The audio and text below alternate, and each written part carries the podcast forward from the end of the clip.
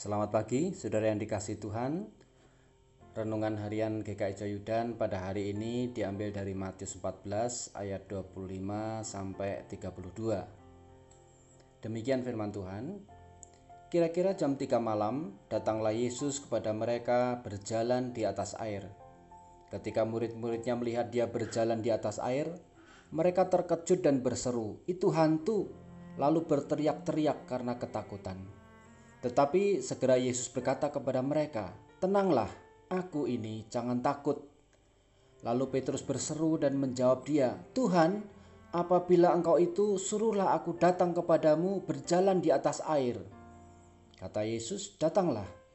Maka Petrus turun dari perahu dan berjalan di atas air mendapatkan Yesus.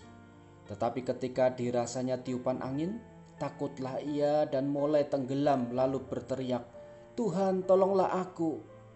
Segera Yesus mengulurkan tangannya, memegang dia dan berkata, Hai orang yang kurang percaya, mengapa engkau bimbang?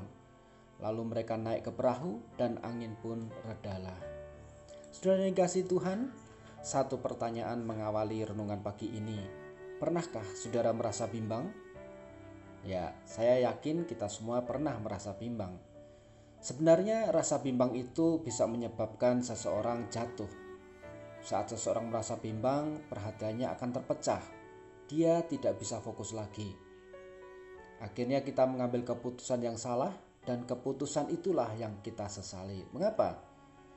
Karena bimbang kita kehilangan sesuatu yang berharga. Hanya karena konsentrasi kita beralih ke persoalan yang mengganggu kita. Nah, dalam bacaan kita hari ini kita melihat bagaimana Petrus merasa bimbang. Bahkan kalau kita cermati, dua kali Petrus ragu dan bimbang. Yang pertama, yaitu saat Tuhan Yesus menghampiri para murid yang sedang berteriak-teriak ketakutan ketika melihat Yesus mendatangi mereka. Mereka menyangka Yesus adalah hantu.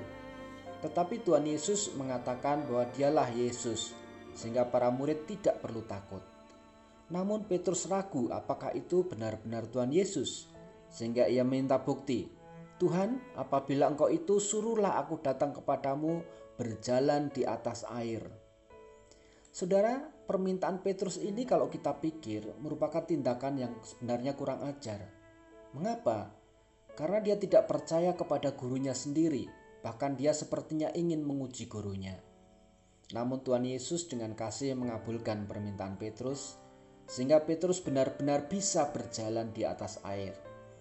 Nah, di sinilah muncul rasa bimbang yang kedua dari Petrus. Jadi saat ia merasakan tiupan angin, pikiran dan konsentrasinya mulai berubah. Jika semula dia percaya kepada Tuhan Yesus, sekarang beralih ke tiupan angin yang menerpa kulit kulitnya. Bisa jadi kemudian dia melihat sekelilingnya yang ternyata kanan kirinya penuh air yang bergelora karena angin itu ditiup oleh angin sakal. Fokus, fokusnya tidak lagi kepada Tuhan Yesus, tetapi kepada pikiran dan perasaannya sendiri. Rasa takut mulai muncul dan akhirnya Petrus mulai tenggelam. Saudara dikasih Tuhan, apa yang dilakukan Petrus mungkin juga sering kita lakukan. Kita ragu dan bimbang terhadap pemeliharaan Tuhan seperti dalam janji firman Tuhan. Sudah jelas firman Tuhan mengatakan bahwa barang siapa percaya kepada Tuhan Yesus, dia diberi kuasa menjadi anak Allah dan berada dalam pemeliharaan Tuhan. Namun, munculnya persoalan dalam hidup kita, baik masalah pribadi, keluarga, ekonomi, pekerjaan, bisnis, dan sebagainya, membuat kita khawatir, ragu, dan bimbang dengan pemeliharaan Tuhan. Benarkah Tuhan menolong saya? Karena rasa bimbang itulah yang membuat kita mengambil jalan yang salah ikut-ikutan mengambil jalan dunia, menghalalkan segala cara untuk mendapat berkat, dan akhirnya kita pelan-pelan tenggelam di dalam dosa. Perkataan Tuhan Yesus, "Hai orang yang kurang percaya, mengapa engkau bimbang?" Itu sebenarnya juga ditujukan kepada kita. Oleh karena itu, saudara yang dikasih Tuhan, jangan bimbang hatimu.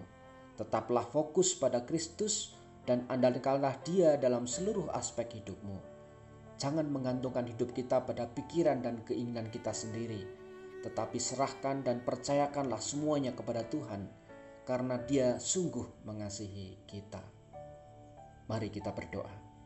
Ya Tuhan yang baik, jadikanlah kami kuat dan terus mengandalkan Engkau dalam menjalani kehidupan ini.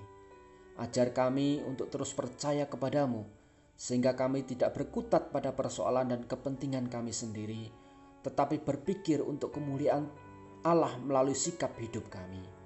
Jadikanlah kami saluran berkat bagi orang-orang yang merindukan kasih Tuhan. Di dalam Tuhan Yesus Kristus kami berdoa. Amin.